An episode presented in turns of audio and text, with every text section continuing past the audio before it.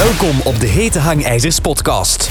Maatschappij-kritische gesprekken over actuele thema's zonder censuur. Met uw gastheer Filip van Houten. Welkom op de Hete Hangijzers podcast. Vandaag heb ik Sam Brokken als gast. Sam is voormalig docent en onderzoekshoofd gezondheidswetenschappen, oprichter van Humaniwel, een onafhankelijk platform voor onderzoekswetenschap gebaseerd journalisme. We starten eigenlijk net voor de podcast over iets heel interessants, wat ik ook eigenlijk heel boeiend vind over de nieuwe censuur of maatregelen van de Europese Commissie. Kan je daar eens wat meer over vertellen? Ja, we waren er net even over bezig. Ik maak mij zorgen, ook voor uw podcast, uh, net zoals voor Humaniwell, hè, waarin we toch proberen het debat op te zoeken door stellingen te poneren die potentieel uh, mensen kunnen triggeren, maar uh, we hebben de waarheid niet in pacht, maar we durven wel een andere kant van bepaalde verhalen te tonen. En dan is de vraag natuurlijk, en wij doen dat dan zelfs nog op een wetenschappelijke basis, met andere woorden, we maken gebruik van wetenschappelijke literatuur. In hoeverre dat met die nieuwe DSA of Digital Service Act, die vanaf eind augustus invoegen gaat in Europa, we nog ergens de vrijheid gaan blijven genieten om dat te doen.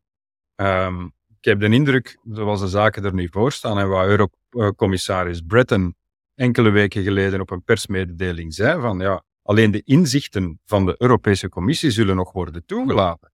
Dus hebben daar een massa, nou dat schijnt een 100.000 mensen in gans Europa aangenomen, aangeworven binnen de, voor de Europese Commissie, om des- en misinformatie te gaan bestrijden.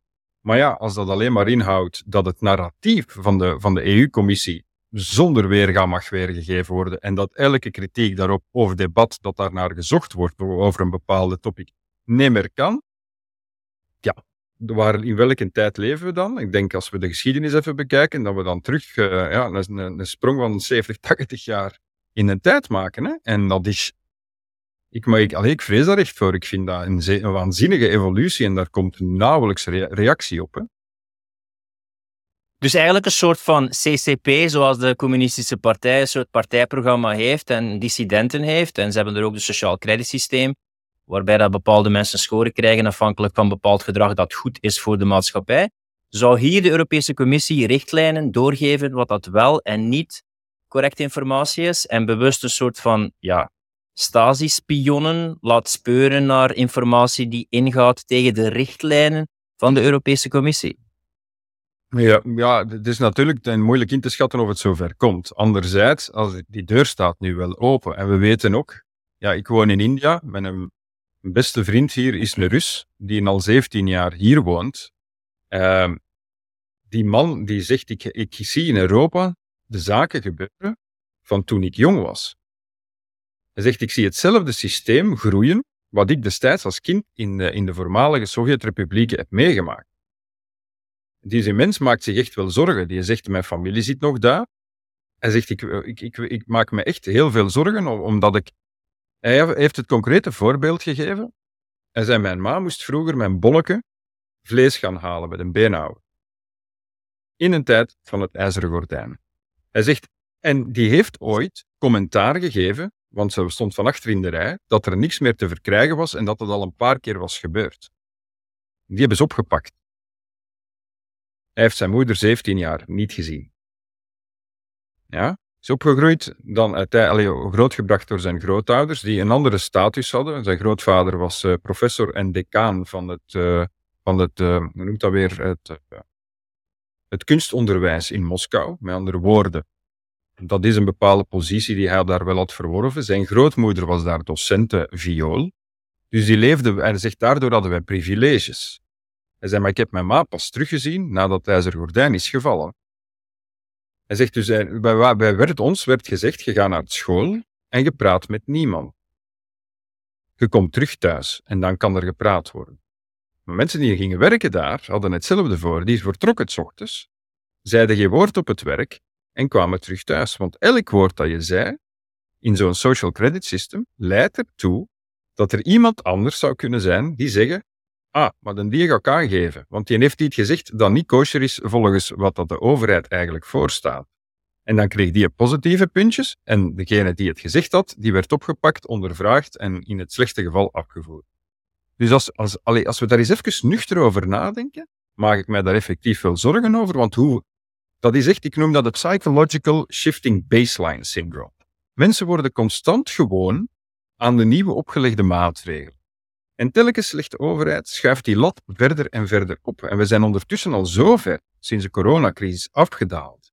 In wat er nog kan als men, of wat als mens nog mocht communiceren. Wat dat je nog als mens mocht aanhalen. ik heb het zelf meegemaakt, zes maanden gedeplatformd op LinkedIn en Facebook. En gewoon omdat wat nu blijkt, als we dan kijken naar eh, de, de release van eh, de, uh, de Australian Weekend newspaper, waarin ze nu ook zeggen dat COVID een, groot bedrog was en dat science was silenced. Ja, ik ben daar het slachtoffer van geworden. Hè. Ik, ben, ik heb drie jaar gestreden. Ik werd overal maar gefactcheckt en overal afgegooid, omdat ik gewoon een poging deed op basis van wetenschappelijke informatie om zaken in vraag te stellen. We glijden constant verder af. Hè. Dit is gewoon een censuurwet, de DSA. Dus als dit geïmplementeerd wordt, en het wordt geïmplementeerd vanaf eind augustus, staat de deur open om weer een stap verder te gaan, waarin mensen het vertrouwen in elkaar gaan verliezen en dan staat, staat dat eigenlijk helemaal open, dat maatschappelijk veld, om elkaar effectief in een, in een soort social credit system, wat er waarschijnlijk wel zal komen, ja, elkaar allemaal de gallen gaan te praten. Allee, ik begrijp niet dat daar zo weinig stemmen zijn dat daar iets durven over vertellen. Laat staan dat ze durven van, van dat aan te kaarten. Hè. Dan gaan we toch niet vertellen dat er geen racism journalisten zijn die inzien wat er aan het gebeuren is. Net zoals zozeer binnen de academische wereld, dat er wel mensen zijn die dat inzien, maar blijkbaar niet reageren. Hè. Ik heb hem onlangs nog een prof gesproken, uh, een prof eh, recht, van de, die mij ook zei van, ja, we zitten eigenlijk op een hellend vlak, maar als ik dan zeg, spreek daarover in de media, dan gaan ze toch een stapje terug achteruit, want ja, dat is natuurlijk positiebescherming. En dan denk ik van, die, allez, hoe ver gaat dit lopen? Hè? Jij woont in Hongarije, ik zit in India, wij gaan er op zich hier niet veel last van hebben.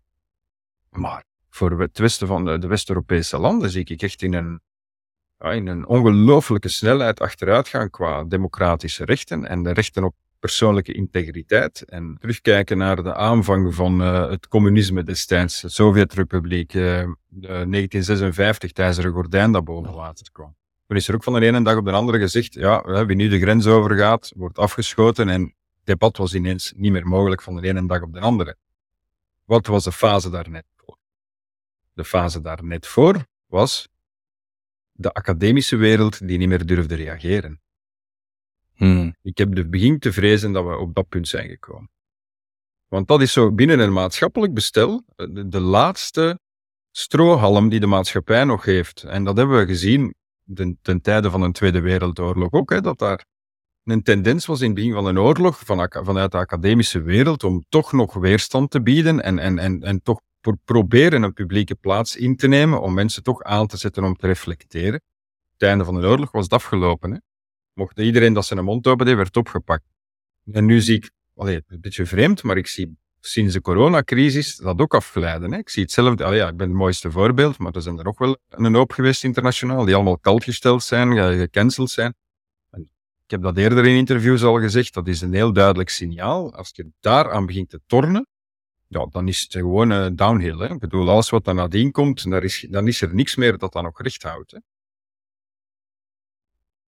Ja, men merkte dat ook uh, in, communisme, dat uh, eerst de politieke dissidenten en andere partijen verboden werden, en dan uh, ja, kritische mensen in universiteiten, en dan werd ook de, de massamedia aan banden gelegd, dan had men Pravda, en dat was de enige manier van communicatie. Hoe denk jij dat komt dat zo weinig mensen die parallellen zien? Want je kan zelf kijken naar documentaires over nazi-tijdperk, Sovjet-tijdperk, mede-nazi-tijdperk in Europa. Mensen gaan naar holocaustmuseums, zien de vervolging van mensen, zien de censuur, de verbranding van boeken.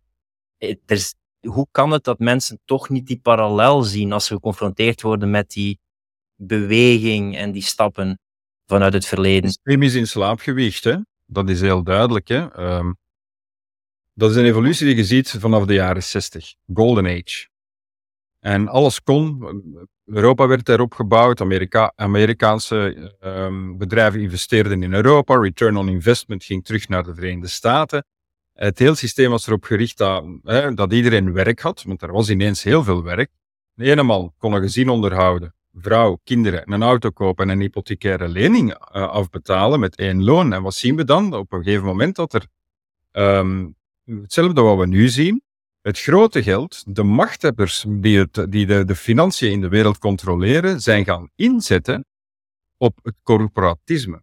Namelijk de NGO's en, en, en, en stichtingen, die, moesten ervoor, die, die ergens wel aangesproken werden door dat grote geld en gezegd, kijk, Germaine Greer is een voorbeeld die op het einde van haar, ja, van haar laatste dagen nu zei van, ja, ik ben eigenlijk gerecupereerd geweest met mijn feminisme om eigenlijk het neoliberaal model vooruit te helpen. Want wat heeft hij gedaan? Gelijke rechten en daar kon niemand tegen zijn. Maar wat je dan wel ziet, wat er gebeurd is, is dat dat neoliberaal model dat misbruikt heeft. Waarom?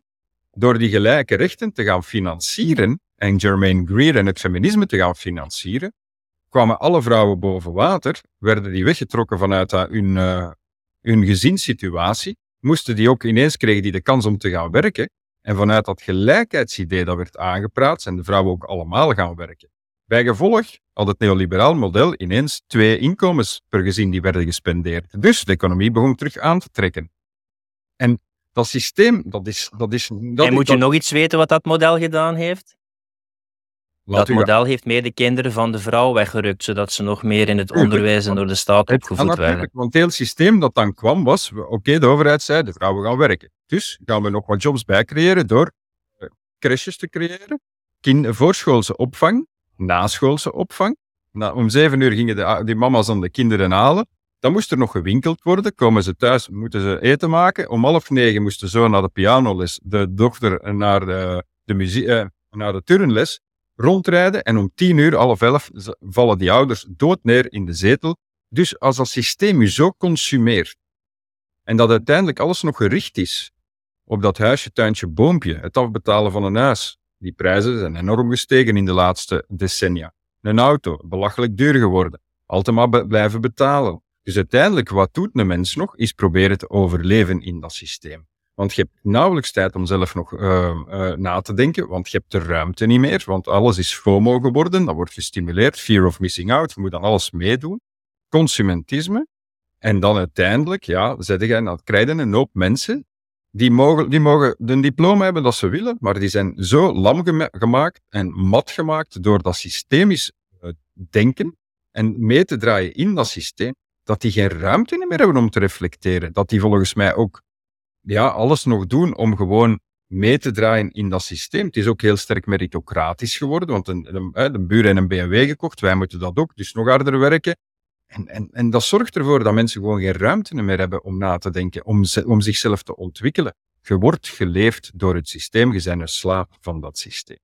En dus dan vraagde je mij van hoe komt dat mensen dat niet zien? Die hebben daar gewoon de ruimte niet voor. En dat hebben we tijdens de coronacrisis ook gezien. Hè? Het is gemakkelijker om een spuit te gaan halen, om dan een pasje te krijgen, waarmee dat je elkaar allemaal lekker kunt besmetten.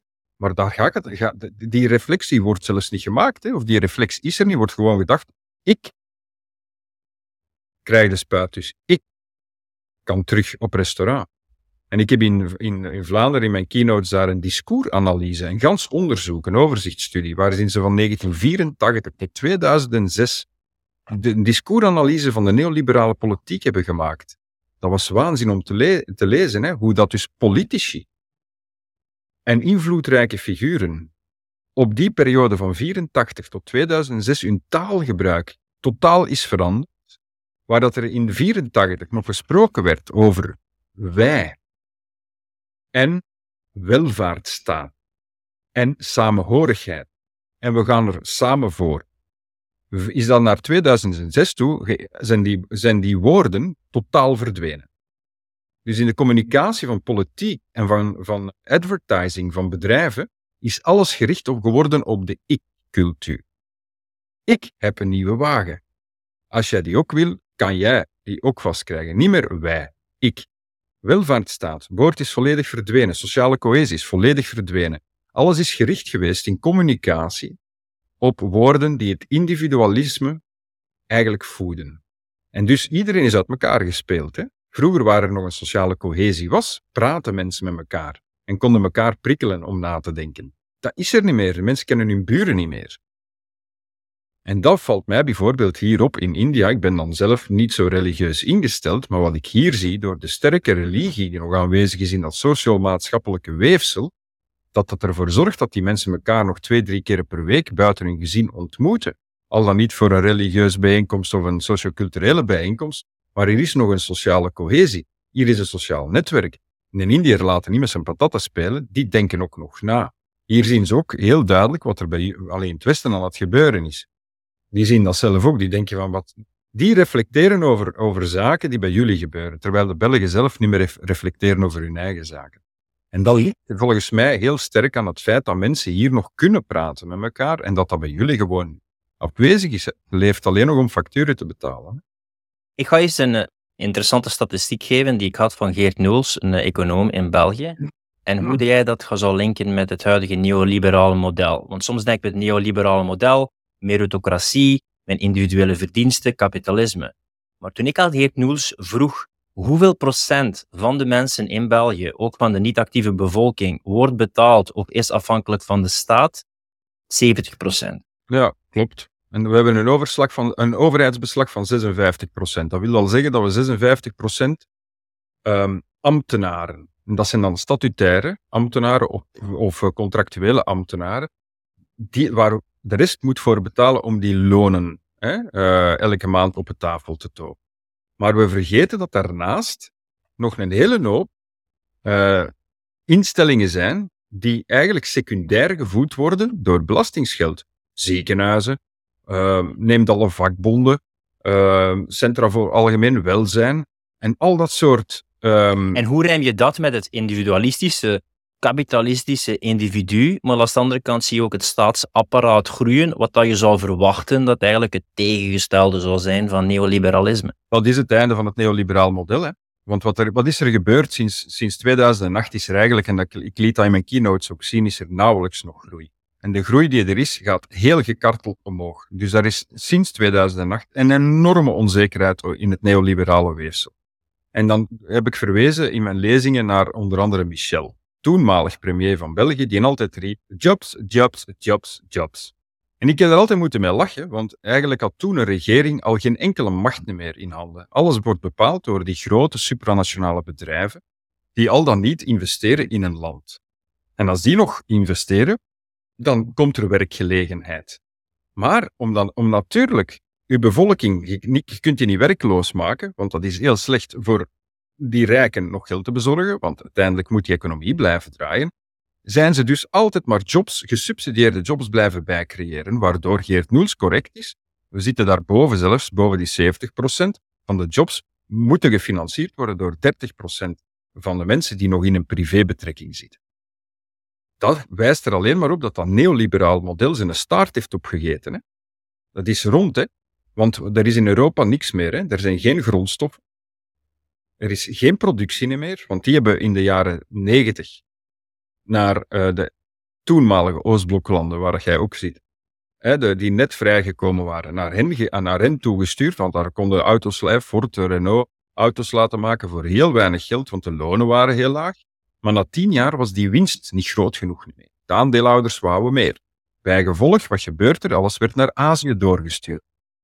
En wat zien we nu in de, in de, in in de, de cijfers van de Wereldbank en het IMF, in de grafieken, gebeurt er in 2020 iets heel bijzonders. Dan voor de eerste keer in de geschiedenis, begin 2020, valt per toeval samen met de coronapandemie, zie je de curve dalen. Dus ik heb die publicaties laten zien, kun je overal vinden, als je wat moeite doet om te zoeken. Zie je de curve dalen van het Westen. En voor de eerste keer in de geschiedenis heeft Azië het Westen ingehaald. In 2020. Betreffende de gross domestic product voor heel Azië. Dus die zijn economisch machtiger dan het Westen nu. Waarom? Ze hebben hier de grondstoffen, ze hebben hier de productie, ze hebben hier de kennis en ze kunnen het hier allemaal verkopen. En ze verkopen het ook aan het Westen. Dan zijn we rond en daar zat een interview bij dat ik gevonden heb met professor Bob Allen, eh, professor aan de New York City University en aan Oxford, een historisch econoom, ehm, die dus op basis van die grafieken ook zei van het is het einde van het westerse model. Het neoliberaal model is over. waar dat Azië tot de 17e eeuw de wereldeconomie in handen had, op basis van de zijderoute, en nadien met de verlichting Europa en het Westen sterker geworden zijn en de economie wereldwijd hebben overgenomen, zien we nu het omgekeerde. En hij zegt letterlijk, de tijd van Azië, die alles gaat overnemen, is nu. En effectief, dat is aan het gebeuren. Hè. Het, nee, dat is ook de reden, denk ik, bij jullie, dat ze dat controlesysteem zo willen doorvoeren. Dat controlesysteem doorvoeren, waarom? Mijn bompa, mijn grootvader Zaliger, dat was 15 jaar lang de rechterhand van Jean-Luc Dehaene. Mijn, mijn vader zelf heeft nog ja, gecirculeerd in de middens van de GET-conferenties, ten tijd alleen de voorloper van de World Trade Organization. Dus ik heb dat politiek wel allemaal wat meegekregen. Mijn grootvader zei, er zijn drie dingen waar miserie van komt. En hij zei, dat is God, dat leidt altijd tot oorlog, gat, vrouwen en geld. En als je daar aankomt, heb je miserie met de bevolking. En het zal wel kloppen wat mijn grootvader destijds zei, want tijdens de pandemie hebben ze alles aangedaan wat ze konden. Ze hebben u opgesloten, curfews aan uw broek gesmeerd. Uh, je moest overal met een mondmasker rondlopen. Kinderen mochten niet meer naar school gaan. De ouderen moesten alleen sterven. Er is geen mens dat gereageerd. In mijn keynote zei ik het ook. België, economisch, heeft een staatsschuld van om en bij de 489 miljard euro. Maar hoeveel staat er op de rekeningen? En hoeveel hebben de Belgen in aandelen, obligaties en vastgoed? 1200 miljard euro. Met andere woorden, een, goede, een kleine drie keer zo rijk als de staat. Nu, dat geldt voor heel het Westen. En in Amerika is het zelfs nog erg.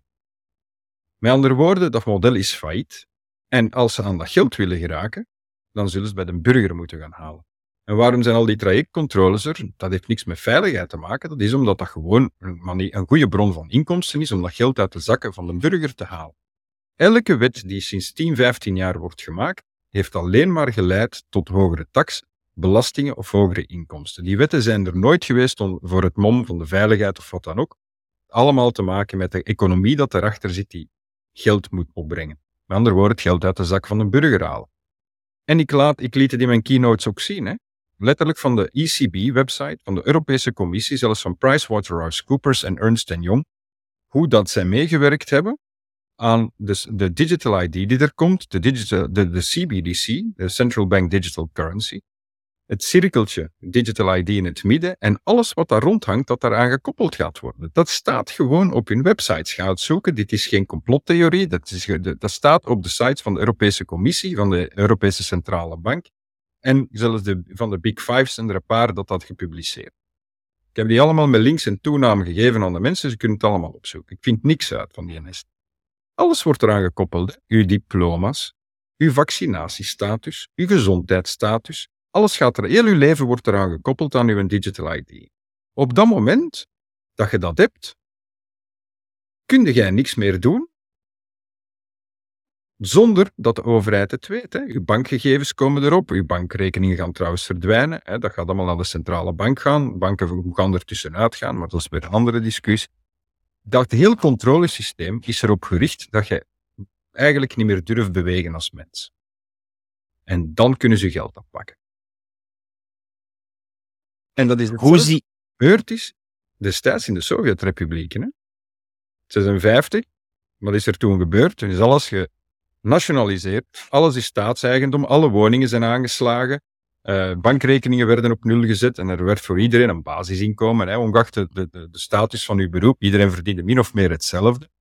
Dat, is, allee, dat zijn ideologieën, dat, ze hebben dat allemaal al geprobeerd, maar je ziet dat gewoon terugkomen.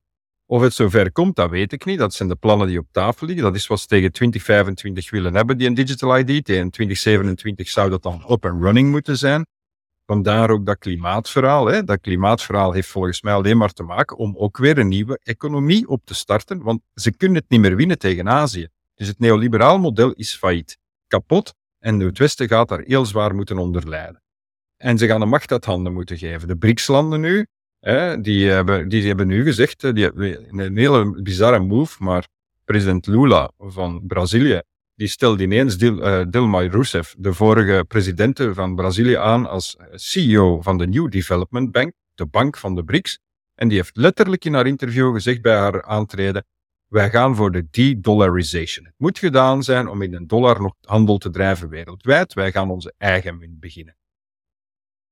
Een dollar zal nog wel blijven bestaan, maar gaat verzwakken tegen 100 per uur. En dat, dat, neoliberaal model van het Westen gaat de buik op, hè? dat is heel duidelijk.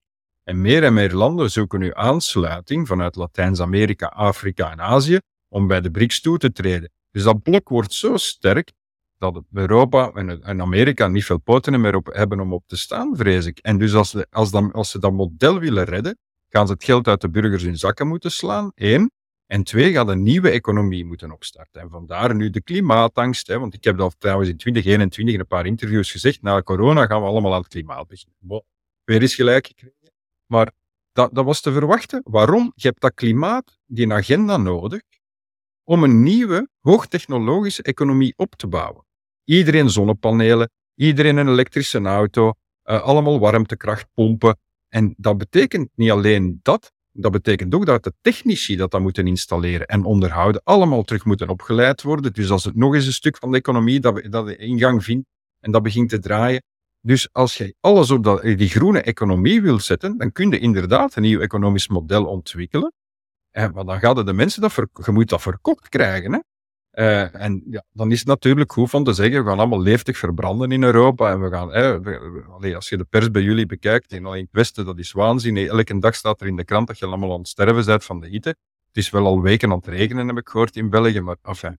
Dus je moet die, die, die angst gaan voeden. En dan kun je de mensen... Sam, je moet dat snappen.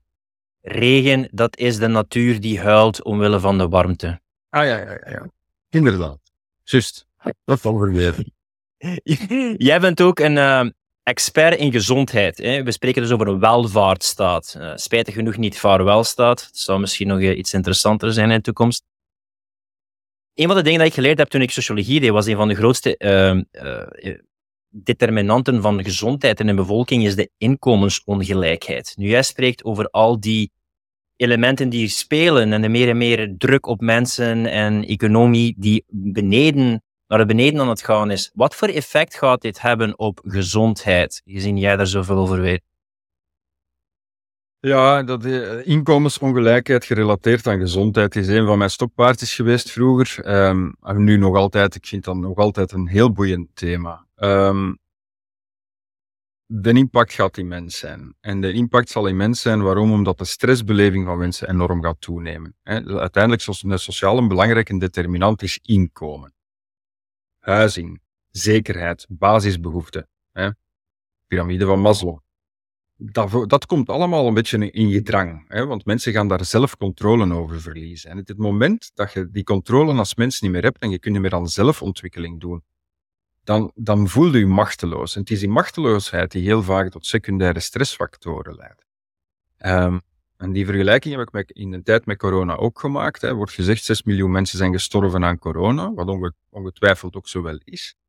Maar als je natuurlijk de mensen angst aanpraat, dan krijg je het nocebo-effect. Als je maar lang genoeg tegen iemand zegt van je gaat ziek worden als je dit tegenkomt, dan zullen er inderdaad veel mensen zijn die dat, dat blindelings geloven, niet meer vertrouwen op hun eigen immuunsysteem en gaan denken van ja, als ik de ziekte tref, ben ik eraan. Zo zullen er vele gegaan zijn, vrees ik. En dat is hetzelfde met kanker. Hè? Als een arts tegen u zegt, we hebben iets gevonden, en je hoort het woord kanker, dat is omdat de perceptie ons altijd, als van, van kindsbeen af is ingegeven, kanker is gelijk aan dood. Als je dan niet voldoende beschikt over, over, over een goede psychologische weerbaarheid, ja, dan, zal, dan ben ik ervan overtuigd dat je mindset er inderdaad kan voor zorgen dat je ja, dat je je immuunsysteem onderuit haalt hè, en dus geen weerstand meer hebt tegen die kanker. Dus ik vrees er een beetje voor. En dat hebben we ten tijde van uh, het Sovjet-republiek ook gezien. Toen in 56 het ijzeren gordijn er kwam, hebben we ook een de, jaren nadien een verhoging gezien aan A, zelfmoorden, maar ook B, aan heel veel um, ziekten, chronische ziekten die heel ernstig werden. Dus toen hebben ze veel mensen verloren ook. Dus ik zie datzelfde nog wel eens gebeuren. Hè. We zitten nu al met een oversterfte die absoluut niks te maken heeft met vaccins of uh, wat dan ook, maar een onverklaarbare oversterfte. Um, sinds corona, um, ik vrees dat, we dat, dat dat traject gaat verder gezet worden. Hè. corrigeer me als ik fout ben. Ik heb in een interview eens gehoord van jou dat je zei dat 90% van de gezondheidsfactoren extern afhankelijk is. Wat bedoelde je daarmee? 90% van onze gezondheid wordt bepaald door factoren die we zelf niet in de hand hebben. Ja, sociale determinanten. Als jij niet veel, neem nu, je sprak over inkomen. Neem je dat je niet voldoende financiële middelen meer hebt dan is het heel moeilijk om in een gezonde omgeving te gaan wonen. Dan ga je niet op de buiten wonen, dan ga je ergens in een stad in een klein appartement kruipen. Een klein appartement, vaak slecht verlucht. Misschien wat schimmel aan de muren en ja, je ademt dat allemaal in. Mensen die in kleine arbeiderswoningen moeten wonen omdat ze te weinig financiële middelen hebben. Vocht in de muren, eh, ongedierte in huis. Staat allemaal, ook in België nog altijd. Hè. Dat zijn dan ook mensen die vaak minder goed voor zichzelf kunnen zorgen, omdat ze er ook de kennis niet van hebben, die door het weinige geld dat ze hebben niet in staat zijn om gezonde voeding te kopen, dus aangewezen zijn om ultra-processed food te gaan eten, die natuurlijk veel minder gezond zijn, omdat ze het middelen niet hebben om aan sport te gaan doen. Ze kunnen niet genieten van sociale cohesie door eens naar, naar een concert te gaan of naar een theaterstuk, want die middelen hebben ze niet. Dus zodra dat je mensen alles begint af te nemen, verkleint eigenlijk de mogelijkheid tot zelfontplooiing, tot eigenlijk gezondheidsgerelateerde zaken die je zou moeten gaan doen om jezelf gezond te houden. Dat valt allemaal weg. En dan zien we ook al 30 jaar, als je die sociale determinanten gaat bekijken, hoe een impact dat dat heeft op de gezondheid van de mensen. En dat is nog altijd zo. Hè. In, bij corona is dat ook zo geweest. De studies die nu uitkomen rond Amerika, waar je de groepen van Latino's bekijkt. En, en de Afrikaan, alleen de, uh, de mensen met een Afrikaanse achtergrond, de zwarte populatie, en je gaat die bekijken, die nog allemaal ja, eh, weggestoken zitten in de Bronx, bij wijze van spreken, en daar maar niet uitgeraken uit die armoedespiraal, die hebben heel slecht gereageerd op corona als ze die infectie hadden. Waarom? Chronische ziekte, ze hadden allemaal overgewicht, allemaal ongezond gegeten, niemand deed sport, leefden in een overlevingsmodus, want die zitten constant te zoeken naar centen om te kunnen blijven functioneren in de maatschappij. 76% alleenstaande moeders, wat natuurlijk moeilijker is om met een alleenstaande ouder een kind op te voeden. Ja, en dat is het belang van die sociale determinanten. 90% van, de, van, onze, van onze gezondheid wordt daardoor bepaald. En maar 10% wordt bijgedragen door de gezondheidszorg. Maar we geven wel per jaar tientallen miljarden uit aan gezondheidszorg. Dus ziet het systeem fout. Zorg ik heb negen jaar gewerkt als gezondheidscoördinator en ik had er ook gehoord van uh, dat het merendeel van het budget besteed wordt aan het laatste levensjaar van mensen. En dat er maar een heel klein budget, ik werkte dus samen met Logo Gezond Plus, dat veel bezig is met preventie, dat dat budget verwaarloosbaar is dan de ja, ik werk niet meer de mutualiteitenmafia, die de meerderheid van het budget bepaalt en de pot beheert. Hoe is het zover kunnen komen en waarom gaat er niet mee naar levensstijlbevordering, welzijn, eh, preventie en die aspecten, zodat je veel meer van die kosten en die verergering van die ziektes en symptomen veel vroeger kan aanpakken en voorkomen en beter mee omgaan? Dat komt vanuit ons biomedisch model. We hebben ons vertrouwen daar zo aan geschonken sinds de jaren 50, na de Tweede Wereldoorlog. Tijdens elke oorlog hebben we een enorme vooruitgang gezien in de, in de geneeskunde. Dat is, de ideale, dat is de ideale periode voor artsen om te experimenteren. Het is altijd gebeurd in de geschiedenis en dat is in de Tweede Wereldoorlog ook zo gebeurd. En daardoor is de geneeskunde in de, sinds de jaren 50 enorm vooruit gegaan. Ze, ze al, en de arts is ook op een piedestal geplaatst. Samen met een burgemeester, de notaris van het dorp als een arts, de notabele. En dus die mensen werden nooit meer tegengesproken. En die hadden eigenlijk een, een, een alomvattende visie, volgens de bevolking dan toch, op het leven. En wij worden ook zo opgegroeid. Hè? Baby, het eerste wat je ziet, is een arts. Kom in de kleuterschool, je hebt een pijntje, de dokter zal het wel oplossen. Je luistert naar K3, hetzelfde. Allemaal liedjes die zeggen dat een dokter u gaat genezen. Kijk naar thuis en familie. Er is iemand dat iets voor heeft, twee dagen later genezen door de dokter. Dus dat wordt ons constant aangeleerd, fout hier, ehm, dat geneeskunde alles kan oplossen. En dat is helemaal niet het geval, integendeel.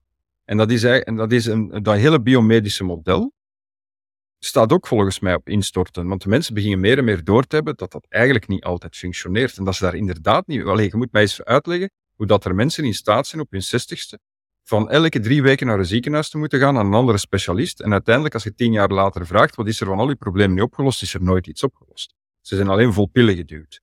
En dat is natuurlijk weer die economie. Hè?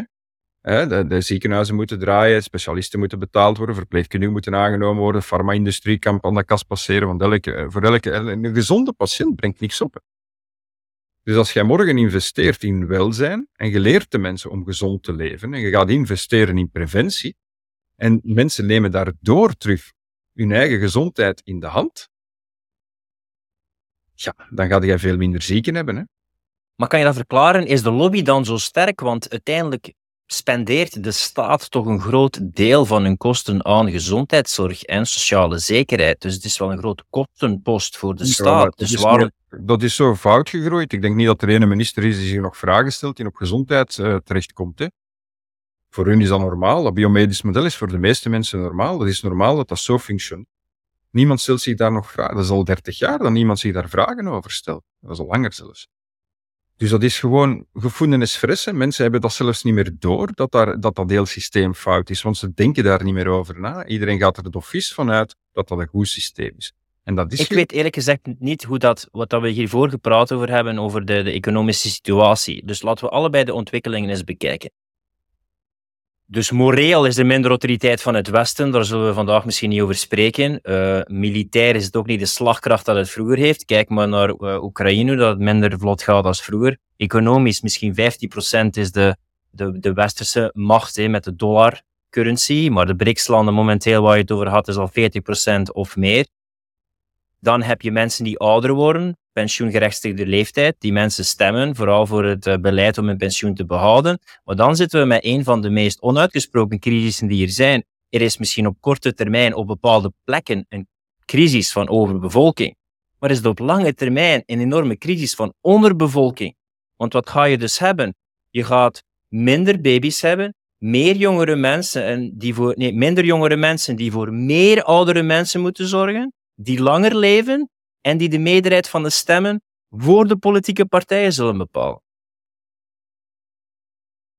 Correct. Dus dit gaat qua uitgaven en qua verantwoordelijkheid van die, van die, van die beperkt aantal schouders, dat meer mensen moet dragen en ze kunnen maar een klein percentage uitoefenen op de stemminggedrag, want die oudere populatie die stijgt enkel.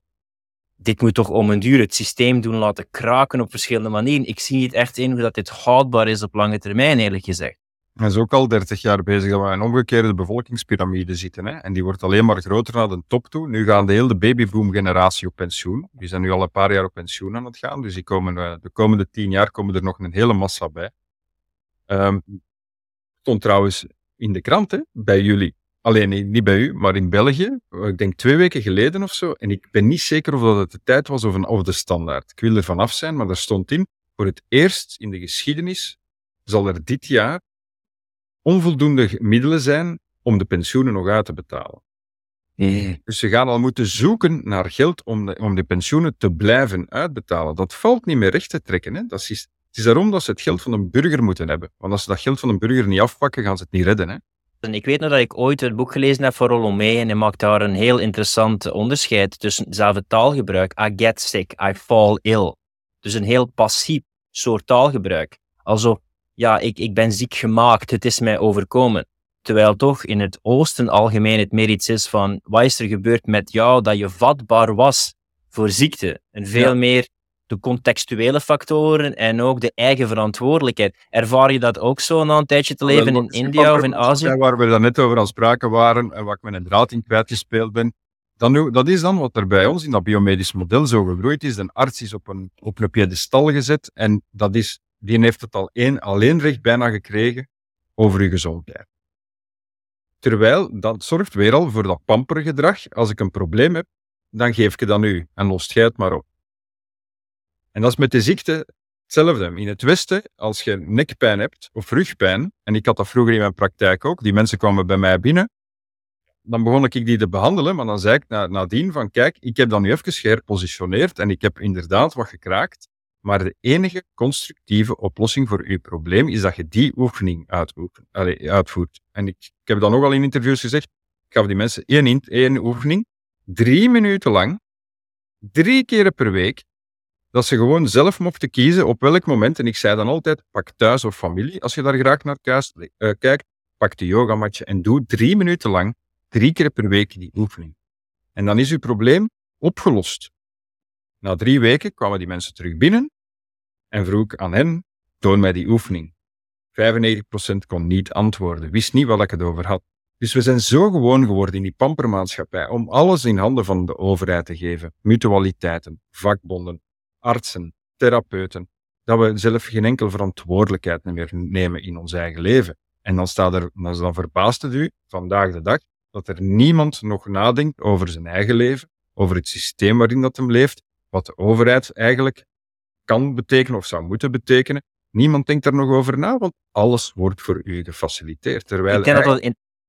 ja, ik denk terwijl... dat, dat interessant is, waar dat we ervoor over bezig waren, van ja, eh, voor een stuk leiden tot gebrek aan persoonlijke verantwoordelijkheid. En hoe krijg je eigenlijk integriteit? Persoonlijke verantwoordelijkheid. Hoe krijg je discipline? Persoonlijke verantwoordelijkheid. Hoe krijg je karakter? Persoonlijke verantwoordelijkheid. Ja. En die factoren merk ik toch bij de huidige generatie. Er zijn ook contextuele factoren dat ik merk van dat die dingen, discipline, karakter, uh, die dingen er veel minder zijn, omdat mensen veel minder persoonlijke verantwoordelijkheid aangeleerd wordt. Tuurlijk, ja. Ja, we zijn, ik vrees een beetje dat we door dat systeem voor een stuk ontmenselijkt zijn. Hè? Uh, je, je, hebt de onlangs een podcast met Laurens Buis gehad. Ik heb lang met hem gepraat. Um, hij sprak op een gegeven moment ook van een, vorm van dehumanisatie. En binnen die LGBTQ is daar ook zo een beetje een verlenging van. Hè? Probeer de mensen eigenlijk hun identiteit te ontnemen hun, hun eigen waarde. Dus als mensen beginnen te twijfelen aan wie ze zelf zijn en wat ze, wat ze nog voorstellen binnen een maatschappij, dan hebben ze volledig controle over, want niemand denkt nog zelf na, want iedereen is volledig vervreemd van zichzelf, van zijn omgeving, nabije omgeving en van de bredere maatschappij. En dan krijg je mensen waar je kunt mee spelen. Hè. En dat heb je, Matthias de Smet heeft het daar ook over gehad. We, waren in zodanige psychologische slechte toestand als maatschappij, dat het heel makkelijk was om die massapsychose ja, die ontstond van zichzelf.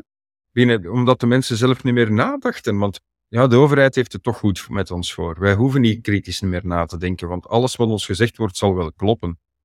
Ja, dat is natuurlijk nefast. Hè? Uh, en daar moeten we denk ik terug naartoe. En ik zie dat bij jullie ook gebeuren. Jij woont dan uh, uh, ook in een van de voormalige Oostbloklanden. En ik merk ook, en, ik, en hier komt dat ook in de media, dat Hongarije, Roemenië, Polen toch ook wel zich wat beginnen af te zetten tegen ja, dat westers-Europees gezien traject dat ze nu aan het uitrollen zijn met dat controlesysteem.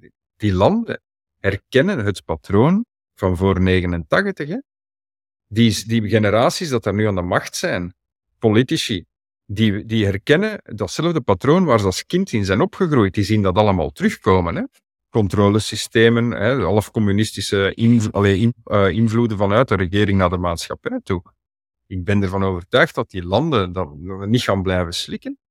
En dat zie je ook met de BRICS-landen. Die zijn niet meer bereid om dat Westen blindelings te volgen. Die hebben het nu met de coronacrisis ook. Hier durven ze de bewijzen die er nu zijn wetenschappelijk, drie jaar na datum, die inderdaad aantonen dat het allemaal zinloos was. Dat staat hier in de krant. Hè. Dat komt bij jullie niet in de kranten. Hè. En hier wordt daar nu wel over gedebatteerd. En die hebben ook zoiets, wij gaan die WHO niet meer blindelings volgen, want dat is allemaal in handen van het Westen, van hidden agendas die draaien rond geld. Hetzelfde met de Sustainable Development Goals, ook volledig gerecupereerd door uh, het groot kapitaal en de hefboomfondsen, uh, zoals BlackRock, Vanguard, uh, um, um, um, hoe noem het weer, Berkshire Hathaway. Hathaway van onze goede vriend, hoe noemt hem weer, Buffett die hebben alles in handen. Hè? Die hebben alles in handen. Die hebben heel de wereldeconomie in handen. Maar, wat zeggen ze hier in Azië? Wij doen daar niet meer aan mee. En dus je gaat een multipolaire samenleving krijgen, een multipolaire globale wereldwijde samenleving, terwijl we nu eigenlijk in een soort unipolaire samenleving zaten, net tot aan de corona. Uh, waarin de WHO wereldwijd ging bepalen wat er met uw gezondheid moest gebeuren iedereen dezelfde aanpak voor COVID. Wat natuurlijk totaal een onzin is, want een Afrikaan is gemiddeld 23 jaar oud. En in het Westen, bij jullie, West-Europa, is de gemiddelde leeftijd 47 jaar. Dat natuurlijk al, als je dat nog maar simpel wetenschappelijk bekijkt, kun je die twee niet dezelfde behandeling geven, hè, want die hebben totaal andere noden. En toch, en daar moeten we van weg, van die unipolaire samenleving, waar dat het Westen zo graag naartoe wil en waar ze de WHO, de Verenigde Naties, de, uh, de Wereldbank en het IMF allemaal in de richting duwen om voor iedereen de one-size-fits-all approach aan te meten. Daar moeten we vanaf. En ik denk dat de BRICS daar gaan voor zorgen, want die gaan daar niet meer aan meedoen aan die nest. Die gaan zeggen, wij gaan voor onszelf opkomen. Wij hoeven heel dat controlesysteem niet in te voeren, want we hebben dat niet nodig. Van onze bevolking moeten we niet controleren, want onze economie groeit met 7% per jaar. Laten wij daar maar van profiteren en dat ze in het Westen hun plan trekken. Als dat op de buik gaat, zoveel te beter voor ons. En dat hebben we nodig in het Westen, want als die multipolariteit terugkomt, dan storten die supranationale instellingen, gaan het hoe langer hoe moeilijker krijgen om hun wereldhegemonie nog vast te houden. En dan gaat het, en dat heb je altijd nodig, als je vrijheid wilt in de wereld, heb je tegengestelde visies nodig. En zolang dat die er zijn, dat er debat is, tegengestelde visies, kritiek kan, blijft er vrijheid. En dat is wat nu in het Westen verdwijnt, maar dat komt wel terug, want ze gaan moeten, ze gaan niet anders kunnen, want je gaat in een multipolaire wereld terechtkomen, tegengewicht gaan vormen op, die, op supranationaal niveau, waardoor dat, dat toch doorcijpelt ook terug naar het Westen. En dat ik ervan overtuigd ben dat uiteindelijk de winst van Azië en de BRICS tot vrijheid zal leiden van het Westen. Een van de mensen die ik ook wel heel blij ben dat hij zich uh, uitgesproken heeft, uh, professor uh, Ioannidis, een van de meest gerenommeerde epidemiologen, waar onder andere aangehaald was dat 80% van de onderzoeken niet falsificeerbaar is. Kan je eigenlijk momenteel nog onafhankelijk onderzoek voeren? Um, in universiteiten en bepaalde instanties, officiële instanties. Want ik denk nu bijvoorbeeld bij de WHO, daar zijn ook wetenschappers, zijn mensen die het goed bedoelen, dus ik wil niet een stempel op dat hoofd plakken. Maar is het eigenlijk nog mogelijk om onafhankelijk objectief onderzoek te voeren? Zeer moeilijk, want dan bekostig je het zelf. En um, dat gebeurt nog. En dat zijn heel vaak dan, eh, zeker eh, in de universitaire wereld noemen we dat de tenure track professors. Dat zijn er die een benoeming hebben gekregen en eigenlijk elke maand hun loon krijgen. En als die een keer een bepaalde vrijheid hebben of een bepaalde tijd dat die niet aan gesubsidieerde opdrachten moeten werken, dan zie je wel vaak dat die snel nog eens onderzoeken met elkaar gaan doen. En na drie, vier maanden met tot heel goede uh, onderzoeken komen. En dat is wat we met Humanuel ook doen. Met Humanuel willen we net dat soort onderzoeken, waar die niet gesponsord zijn, waar die uh, auteurs of onderzoekers geen banden hebben, geen conflict of interests, dat soort onderzoeken, die brengen wij naar buiten. En al de rest wat gesponsord is en waar al die auteurs een hoop belangenverstrengelingen moeten melden in hun conflict of interest, die onderzoeken gebruiken we toekoer al niet meer. Um, als ik een percentage zou op, opplakken, ik denk dat grosso modo 85% van de onderzoeken die gepubliceerd worden gesponsord zijn. En dan inderdaad zal Ioannidis heeft al, al een paar keer, want vorig jaar heeft een collega van hem op zijn onderzoeksgroep, uh, zonder uh, John Ioannidis zelf erbij, ook nog eens een hele uh, publicatie gemaakt. En die kwam ook ergens tot, uh, was 3 of 84% van de onderzoeken uit die niet falsificeerbaar zijn. Met andere woorden, niet kunnen nagemaakt worden door collega's omdat er data ontbreken, omdat er confounding fouten in zitten of statistische fouten in zitten. Dus ja, het meeste onderzoek, en dat is ongeveer dezelfde groep, hè, degenen die gesponsord zijn en degenen die niet uh, falsificeerbaar zijn, dat is dezelfde groep. Hè. Gelukkig hebben er nog een 15, 20 procent onderzoeken die wel onafhankelijk gebeuren. Um, en en dat, dat zijn degenen die wij proberen te communiceren, zowel op geopolitiek vlak, sociaal vlak, ma maatschappelijk vlak binnen Humanuel, als over biomedische zaken. Ook over traditional Chinese medicine, Ayurveda, allemaal zaken die in het Westen geband worden wegens onwetenschappelijk. Wel, tot mijn grote verbazing bestaat daar heel veel wetenschappelijk onafhankelijk onderzoek over. Die toch aantonen dat dat wel werkt en dat je toch voor 1 euro iemand kunt genezen. En dat dat, en dat is nu wat ik mijn vrees, met de hele mRNA-toestand. We zien dat er heel veel bijwerkingen zijn. De reden dat ik daar in 2020 al voor waarschuwde, was omdat we in um, ehm, 15 jaar daarvoor, de jaren 90, MERS en SARS hebben gehad. De broertjes van COVID-19. En destijds zijn er een, meer dan een tiental onderzoeken gebeurd met mRNA als platform om proefdieren te vaccineren tegen SARS en MERS. In geen enkele van die studies En die studies waren van muizen tot bavianen en allemaal diertjes ertussen. Geen enkel, en ik overdrijf niet, geen enkel dier heeft het overleefd. Dus en kan je dan specifiek eens ingaan op wat het was? Was het dan, kun ik ingaan van de grote bijwerkingen en eventueel een, een ah, linkjes met hartfalen? Alles wat we nu zien. Ja. Hartfalen, cardiovasculaire letsels, uh, eigenlijk, eigenlijk alles wat te maken heeft met endothelitis. Ontsteking van de haarvaatjes van het, van het lichaampje. In dat geval van een muis, al dan niet baviaan en ratten, want ze hebben op verschillende diersoorten geprobeerd. Um, allemaal gevolgen van endothelitis, van laaggradige ontstekingsreacties in bloedvaten, die dan leiden tot uh, tromboses, uh, myocarditis, enorme tumorontwikkeling op zeer korte tijd. Allemaal verstoring, zeg maar, van het normaal functioneren van de menselijke celdeling. Als gevolg van de infectie, chronische infectie.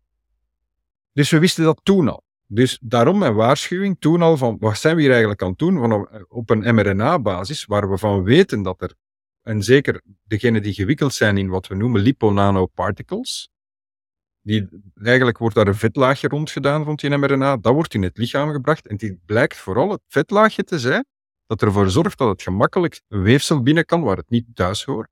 En dan kan het mRNA zijn werk gaan. Um, maar dat wisten we dus al lang. Dus er was te voorspellen dat er miserie ging van voortkomen, zoals we nu zien in de onafhankelijke onderzoeken. Maar ja, die komen niet in de media natuurlijk. Alleen maar degenen die het narratief, uh, en dat zijn dan degenen die niet falsificeerbaar zijn. Dat zijn meestal studies die de experten nu aanhalen om te zeggen, zie we hebben gelijk. Maar als je gaat kijken in de data, is dat voor mij te lach. En methodologische fouten van hier tot in Tokio. Um, maar mijn angst nu is dat ik weet dat de farma-industrie alle vaccinaties op het mRNA-platform aan het plaatsen zijn. Ook alle kindervaccinaties. En waarom? Omdat de vaccins die nu voor kinderen, de DTPR bijvoorbeeld, de standaard, difterie, uh, uh, tetanus en pertussis, uh, allee, bob, dat zijn zaken die nu in klassieke vaccins worden aangeboden. De winstmarges zijn verschrikkelijk klein, want dat is niet meer gepatenteerd. Iedereen mag, daar morgen op de, mag dat morgen op de markt brengen. Die mRNA is nog gepatenteerd. Dus als je al de vaccinaties ter wereld op dat mRNA-platform kunt duwen.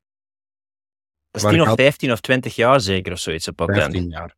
Ja. Op, op, op, op wat spelen we dan? Heeft dat dan nog iets met volksgezondheid te maken? Terwijl dat je die klassieke vaccins, die we kennen, de vector-based vaccines, of de life attenuated vaccines, zoals we in het Engels als we die kennen en we kennen de bijwerkingen en we willen die vaccins aanbieden, waarom gaan we dan kiezen voor iets waar dat we al zoveel achtergrond van hebben dat er miserie van voortkomt? Nee, we gaan dat toch doordrukken, we gaan alles op mRNA zetten. Dus ik weet niet wat er gaat gebeuren. Ik ben al blij dat mijn kinderen, allee, dat, dat, dat die bijna vol, allee, dat die volwassen zijn, dat ik die, die kindervaccinaties op een mRNA-platform weer moet laten ondergaan. Hè. Uh, ik weet niet wat dat, dat gaat geven, maar ik heb daar geen goed oog in dat is toch onvoorstelbaar dat die nieuwe technologie niet heftig onderzocht wordt wat voor negatieve effecten die potentieel kan hebben. En wat dan onvoorstelbaar is, als ik nog goed gelovig zou zijn. Er zijn sommigen die zeggen dat ze, en ik heb er geen sluitend oordeel over, dat er bepaalde batches zijn die zoutoplossingen waren en geen problemen hebben en andere wel. Ik wil daar geen uitspraak over doen. Maar we zouden toch deftig onderzoek kunnen doen naar, oké, de problemen zitten vooral bij deze vaccins bijvoorbeeld, bijvoorbeeld die van Moderna of of die van Pfizer, uh, die geven mee problemen. Het feit dat hier geen onderzoek naar gedaan wordt, terwijl het volgens mij, corrigeer me als ik fout ben, standaard was om genoeg trials testing te doen en dan te kijken van oké, wat zijn de bij, zij, bijwerkingen, zijeffecten, etc., is echt onvoorstelbaar. Zeker gezien de schaal waarop dit uitgevoerd is en misschien ook uitgevoerd gaat worden in de toekomst. Ja, men schuilt zich, ik deel uw mening volledig. Hè. Men schuilt zich steeds in dat verhaal achter de uitleg van ja, maar het moest snel gaan, want we zaten met een wereldwijde pandemie. Ja, ik noem dat bullshit, want als je kijkt naar de cijfers, zoals we het daarnet al zeiden, hè, in de eindzomer 2020 was het heel duidelijk uit de cijfers wat de zwakke groepen waren. Onder de 60 zonder onderliggende aandoeningen had niemand moeten gevaccineerd worden, want de kans dat je daaraan overlijdt was 0,03 procent. Dat blijkt nu, na drie jaar dataverzameling, is dat waar dat we op staan. 0,03% Nu, dat had ik al ingeschat in 2020. Ik heb dat toen allemaal gepubliceerd. Enfin, ik heb veel shit mee op mijn dak gehaald. Maar dat was te verwachten. Dat, dat is lager dan de griep, hè, mensen. Lager dan de griep, hè. Dus we hadden geen enkele aanleiding om die vaccins erdoor te drammen op zes, zeven, acht maanden. Hè. We hadden de tijd kunnen nemen, vijf jaar lang, zoals het behoort. En dan hadden we trials op dieren kunnen doen, hadden we voldoende trials kunnen doen bij mensen, hadden we lange termijn opvolging kunnen doen en hadden we kunnen zien, oké, er zijn potentiële complicaties. En die complicaties zijn misschien in een risk-benefit, als we de risk-benefit gaan bepalen, hè, de kosten-baten, hadden we misschien kunnen al na een paar jaar zeggen van, het loont misschien niet de moeite om dat toch op de markt te brengen. Maar dat heeft men niet willen doen. Men is voor het grote geld gegaan, weer al, denk ik, omdat het neoliberaal model op dit moment op apengapen ligt en dat de farma-industrie en hier een, op, ja, een mogelijkheid in zag om, om grof aan de kast te passeren, wat ook gelukt is. Hè.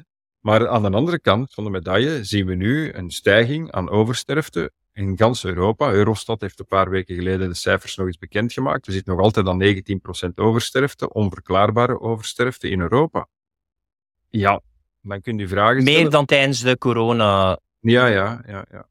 Ja pandemie. de leeftijdscategorie vooral van 25 tot 45. Hè. Dus mensen die eigenlijk normaal nooit onderhevig waren geweest aan de ziekte, die zijn er nu wel tussenuit aan het vallen door de zogenaamde oplossing voor de ziekte. Maar dat, dat snap ik niet. We zien dus die uh, topsporters neer. Hij wordt gefactcheckt, want dat is niet waar. Hè. Dus, uh... Ja.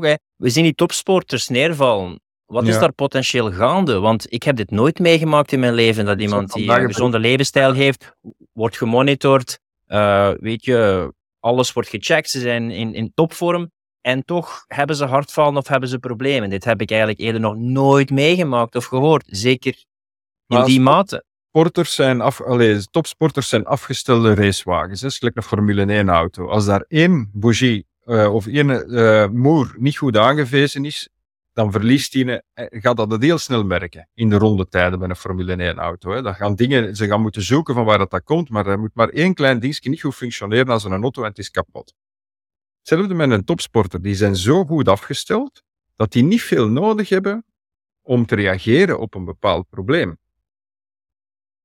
Die zijn niet zo gezond als we denken. Wij komen veel meer in contact met contaminanten, met vervuilingen, etc. Wij zijn minder gezond, we drinken al een keer alcohol. Maar ons lichaam is ook daardoor gewoon om daar um, ja, een weerstand tegen te hebben, tegen dat ongezond voeding. Onze lever kan wat meer aan, omdat we af en toe eens een pint drinken die mannen zijn gewoon zodanig, eigenlijk relatief verzwakt moeten dat noemen, hè, want het is een perfect mm. afgesteld. Maar hun immuunsysteem gaat ook heel snel reageren als er iets fout loopt. En dat is de reden dat die mensen, en dat, dat ik vrees dat er heel veel van die sporters tussenuit vallen, maar je ziet het in de brede veld, want ik was hier daarnet, allee, een kwartier voor onze opname, is er weer een 25-jarige acteur, ik ken hem niet van een of andere HBO-reeks, uh, uh, ook weer plots overleden. En dat is de hele dag. Hè. Deze, deze week, ik ga de naam niet uitspreken, maar een Belgische zangeres. Uh, die ineens een jaar geleden ALS heeft ontwikkeld. En ook raar, hè? zo een jaar geleden ineens ALS. Nu, als we gaan kijken in de onderzoeken die al gebeurd zijn, de studies die er zijn over mRNA en de mogelijke complicaties, staat dat daartussen. Maar het heeft er natuurlijk officieel weer niks mee te maken. Dus we zien veel te veel mensen op een te jonge leeftijd sterven. De oversterfte is gewoon daar, maar wordt miskend. wordt, in België is er zogenaamd geen oversterfte, ook heel eigenaardig.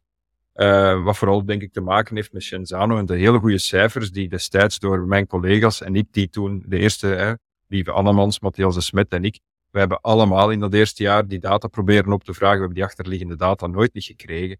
Um, en ik vermoed dat dat nu in België nog altijd hetzelfde is, want dat is het enige land waar mRNA ook boven de 70% gebruikt is. Meer dan 70% van de vaccins waren Pfizer. En um, ja, dat is het enige land, eigenaardig genoeg, dat geen oversterfte heeft. Uh, als je naar de meeste uh, landen met mRNA gaat kijken, dan zie je inderdaad um, dat daar een oversterfte is. Hè. Ja. Zelf hier, ik heb een open mind, som eigenlijk alle dingen in acht moeten nemen. Wat dat jij nu aanhaalt, maar ook misschien de relatiebreuken, de stress, de, de backlash van al die dingen die gebeurd zijn tijdens corona. We kunnen die gerust meenemen, want andere mensen zullen zeggen van ja, dat zijn de nagolven van uitstel van operaties. Ik wil niet het een of het andere nemen. Dit zou eigenlijk globaal bekeken moeten worden. Plus als zij zeggen van ja, we konden niet anders, want we waren in de pandemie. Oké, maar wat is het argument nu dan? Is Ja, het dan niet nu tijd om dingen te herzien? Ik heb, ik heb dat destijds al gezegd. Het is heel logisch dat je een jaar nadien bijvoorbeeld door de uitgestelde zorg nog altijd in oversterfte gaat. Want je gaat dingen missen. Hè.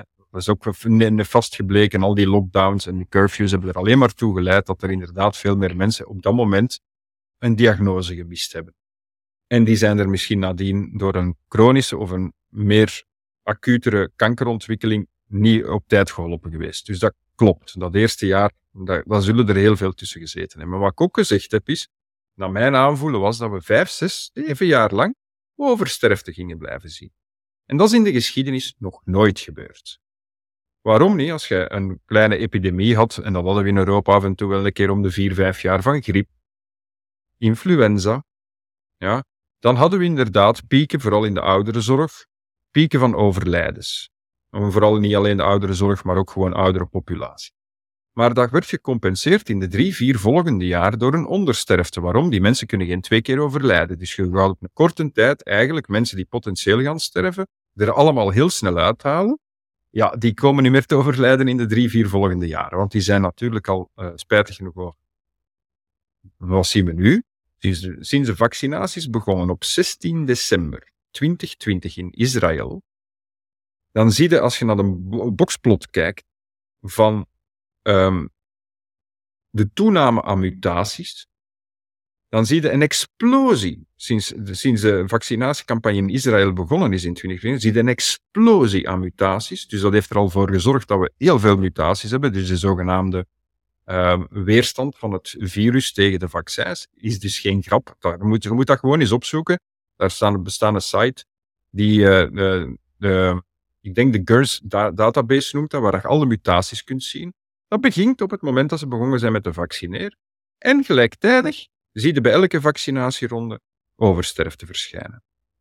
En ik heb toen gezegd, we gaan 5, 6, 7 jaar oversterfte blijven zien. En dat zien we nu. Hè. We zitten wereldwijd, als je het wereldwijd bekijkt, in al, en vooral de landen eruit filtert die Pfizer hebben gehad, en met een hoge vaccinatiegraad, zie je overal oversterfte. En die oversterfte, die zal 5, 6, 7 jaar blijven duren. En dat is iets dat nog nooit in de geschiedenis is gebeurd. En omdat, je zegt nu vijf, vijf, ik ben benieuwd, uh, vijf tot zeven jaar duren, omdat, wat is de redenering daarachter? Om, uh, een collega van mij, uh, enfin, er is een collega die zich nogal uitgesproken heeft over het feit dat die vaccins voor massaal veel doden gaan zorgen. Zijn er nog wel dat dat gezegd hebben. in die, in Ierland was er ook Dolores, ik ben haar naam kwijt, prof, professor immunologie in Ierland, maar die hebben ze toen in 2020 ook al aan de deur gegooid. Die zei ook, er gaan massa's doden vallen. Dat gebeurt niet volgens mij. Omdat we net allemaal anders zijn. En allemaal andere sociale determinanten hebben. En een andere leeftijd. En een ander, in, uh, ons immuunsysteem bij iedereen reageert anders. Er valt dus bijvoorbeeld te verwachten dat bij jongere generaties het immuunsysteem die laaggradige infecties, die potentieel zouden kunnen uh, door de mRNA uitgelokt geweest zijn, allemaal vraagtekens bij, ehm, als die er al zijn, laaggradige infecties, en je bent nog jong en een goed immuunsysteem, dan gaat het dat wel overwinnen. Maar je gaat mensen hebben van onze leeftijd die ja, inderdaad elke dag op café zitten, processed food eten, geen sporten, geen culturele activiteiten, die inderdaad door die sociale determinanten onderaan de ladder staan. Ja, dat zullen de mensen zijn die er mogelijk wel uh, snel tussenuit gaan vallen. Maar ik heb toen gezegd, het zal 5 tot 7 procent zijn, gedurende 5 tot 7 jaar omdat die laaggradige infecties chronische infecties zijn, die bij de ene mens na één of twee jaar problemen zullen geven, binnen, voor een andere pas binnen drie, vier, vijf, zes jaar. Ik heb mij vergist, we zitten aan 19 procent. En dat is wel heel veel. Maar, en daar hebben natuurlijk de, de, de, mensen die uh, mij niet graag zien komen, die zeggen altijd, ja, maar je kunt daar geen kausaal verband in aantonen. Ja, dat is spijtig genoeg inderdaad het grote probleem.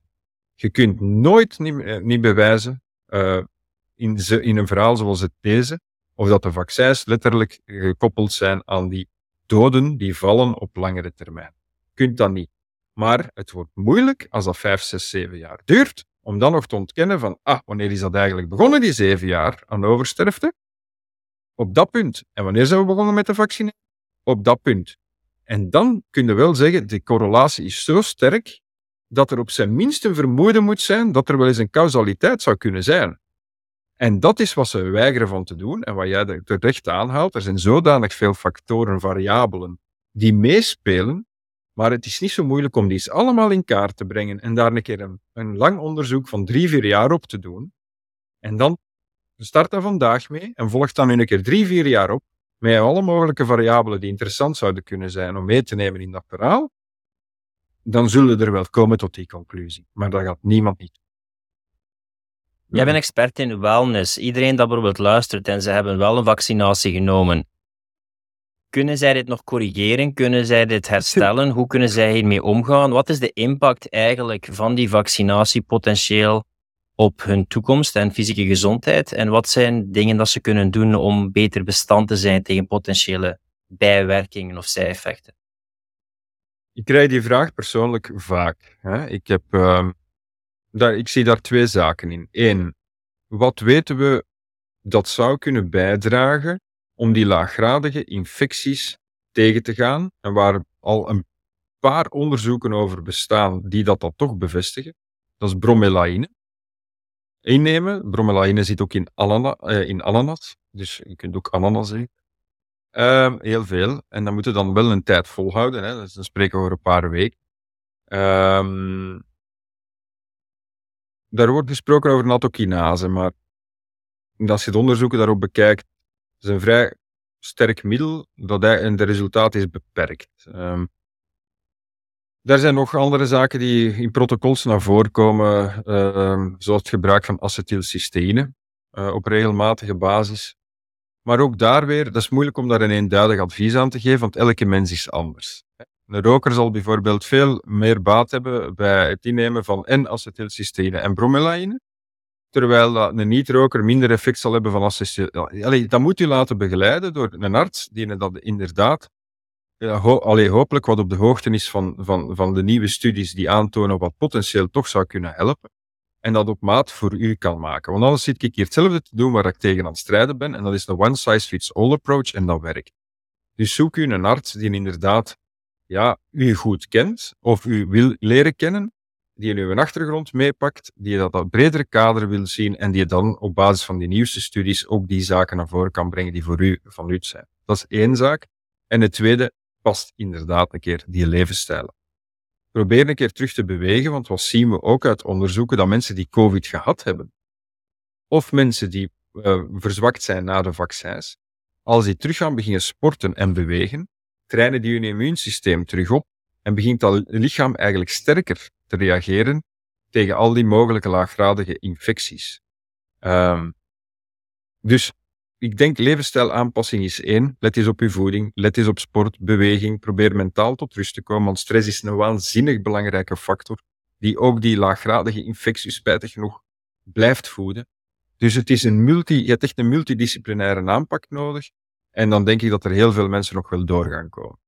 Um, dus laat u goed begeleiden aan de ene kant. En twee, probeert uw eigen leven terug in hand te nemen, uw eigen gezondheid terug in de hand te nemen. En probeer aan uw eigen gezondheid te werken. En is het mentaal door yoga, mindfulness en is het door te sporten? Probeer wat dingen te combineren die voor u beneficial zijn, die goed zijn voor u. En ga daar Weet jij bepaald onderzoek wat dat getoond heeft van corona, het effect op relatiebreuken of gebrek aan vrienden? Is daar bepaald onderzoek over? Op ja. die... Daar is onderzoek op gebeurd. Ik heb dat twee jaar geleden wel gelezen. Ik heb dat toen nog in mijn presentaties opgenomen. Uh, ja, en dat, ik denk zelfs in België. Ik denk zelfs in België is er onderzoek over verschenen. Um, en zelfs in de media is toegegeven. Hè. Ik denk dat er 37% of zo dat was in, in België aan toename van scheidingen en zo, hè, uh, in die periode. Wow. Ja, ja, ja. ja. De impact was enorm, hè. En vooral op de jongeren heeft het een immense impact gehad. Hè. Dus in 2020 hadden we, of eind 2020, al studies. Uh, die gaf ik vroeger in mijn lezingen ook mee. Dus bij kindjes van 0 tot 1 jaar zagen ze, omdat in die periode ouders verplicht werden mondmaskers te dragen bij, het, bij, het, allez, bij de geboorte en in dat eerste levensjaar van dat kind, dat die kinderen geen normale uh, reacties meer konden herkennen van, het, van de mimiek van de ouders. Dus ze hebben dat dan getest door een lachend gezichtje en die kinderen gingen telkens in een angstreflex. Dus die konden het onderscheid niet meer maken tussen een kwaad gezicht, een lachend gezicht, een bedenkelijk gezicht. Die, die, die, dus dat heeft een impact. Je moet weten, in je eerste levensjaar verdubbelt je aantal neura neurale, net, het neurale netwerk in je hersenen verdubbelt. En dan ontwikkelt vooral je limbisch systeem met je hypothalamus, wat eigenlijk instaat voor je cognitief, maar ook je socio-emotionele reflexen.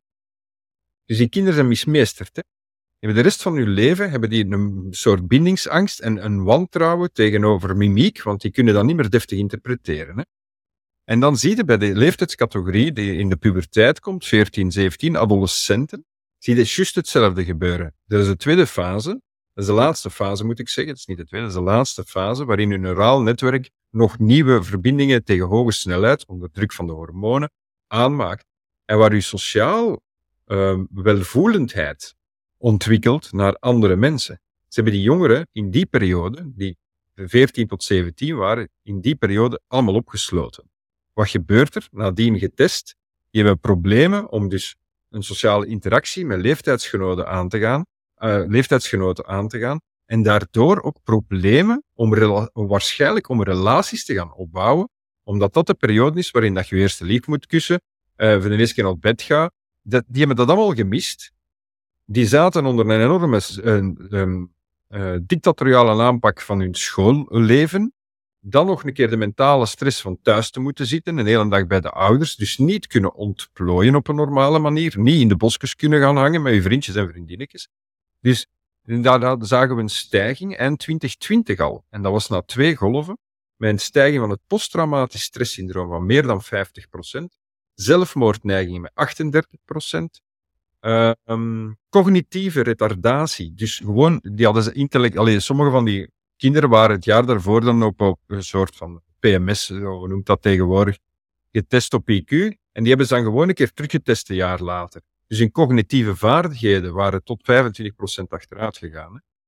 Dus dat heeft een enorme impact. En ik heb toen tijdens mijn lezingen gezegd, hier gaan we de binnen 30 jaar nog de repercussies van zien. We gaan nieuwe Dutroux krijgen. Hè. En mij hopen. Hè. Dat zijn er allemaal die een limbisch systeem, ofwel vroeg eh, vroeg na de, in de jonggeboorte allemaal misgroeid zijn. En, die op en degenen die op 14, 17 niet tot sociale relaties zijn gekomen, daar frustraties uit overhouden, die voerden nu die LGBTQ-groep. Dat is nu die groep die eigenlijk zichzelf niet meer weet te identificeren. Daardoor in de lijst van de 72 genders gaat zoeken. Daar zal wel iets zijn wat ik bijpas. Allee, die pakken dat dan vast, maar die zijn hun pedalen kwijt. Want dat is niet wie dat ze zijn. Dat is iets waar dat ze een definitie vinden, waar ze zich kunnen een gemeenschap in vinden van mensen gelijkgestemden. Maar die gaan allemaal nog wakker worden. Dat zijn allemaal frustrado's. Binnen 30 jaar gaan we daar de miserie nog van zien. Dat heb ik twee jaar geleden al voorspeld, hè, dat we binnen 30 jaar met een hoop troes gaan zitten. Hè. Sinds jij buiten het uh, gezondheidssysteem zit en alternatieve gezondheidswijze kan verkennen. A, wie bepaalt eigenlijk wat alternatieve gezondheidswijzen zijn? En hmm. B, wat denk jij van alternatieve geneeswijzen zoals Ayurveda en nu momenteel wat populairder aan het worden is de Germaanse geneeskunde en die zaken die buiten het officiële gezondheidsdogma vallen? Ja, maar dat is het punt, dat is fout. Je redenering klopt niet. Je zegt buiten het, wetenschap, buiten het medisch wetenschappelijke, dat klopt niet, want die studies bestaan en er gebeurt niks mee. Dat is het probleem. Het westerse allopathische model, hè, de allopathie staat dan voor de klassieke geneeskunde, laat gewoon die onderzoeken niet surfacen, die mogen niet naar boven komen. Die zijn gepubliceerd, peer-reviewed in journals, en zelfs hoogstaande journals zijn er artikels over Ayurveda, traditional Chinese medicine, plant-based medicine, die zijn allemaal voorhanden maar het geraakt niet tot bij de artsen en het geraakt niet tot bij het publiek. En dat is wat wij met Humanuel wel gaan doen. Wij hebben traditional Chinese medicine doctors, wij hebben Ayurvedische artsen, die ook onderzoek doen en die mensen zullen die bewijzen die er zijn, naar buiten brengen. Waarom wordt dat tegengehouden? Omdat de farmaceutisch niks opbrengt. Want daar kun je geen patent op pakken. Want als ik hier morgen een stukje, alleen met laurier, kan ik echt een probleem oplossen. Met, ik kan ik met, uh, met ginger, allee, gember, ja, ik moet soms achter mijn woorden in het Nederlands zoeken. Met gember en turmeric, uh, allee, daar kan ik heel veel problemen mee oplossen. Want dat kost niks. Er valt niks aan te verdienen. Dat trekken ze hier letterlijk uit de grond. Die wortel. En dat malen ze zelf en ze hebben het verste van het verste als, als geneesmiddel. Dus die, het woord alternatief moet daar eens vanaf, want die, wat is alternatief? De westerse geneeskunde is alternatief. Want dat bestaat 150 jaar. En hoe lang bestaat de Ayurvedische geneeskunde? 6500 jaar. Dus wie is er alternatief? Dat is het narratief dat ze ons al jaren, decennia aanpraten in het Westen. Dat is allemaal alternatief omdat het niet strookt met wat wij zeggen en denken. En dat moet stoppen. Leer eens van elkaar.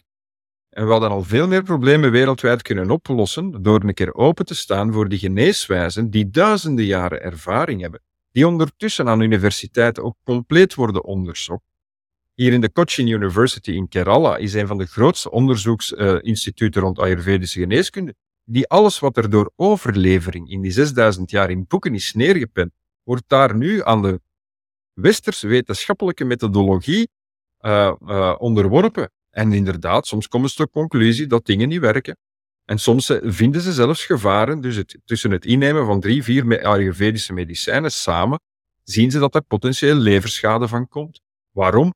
Ja, destijds is dat allemaal door overlevering doorgegeven. Maar daar zit een hele badje aan van dingen die wel goed werken. En die gaan wij naar buiten brengen. Want dat, dat westers model is het alternatieve model. Al de rest bestaat al veel langer. Als laatste vraag ben ik eens benieuwd als je soms goed bent in de toekomst voorspellen of dingen onderzoeken op lange termijn.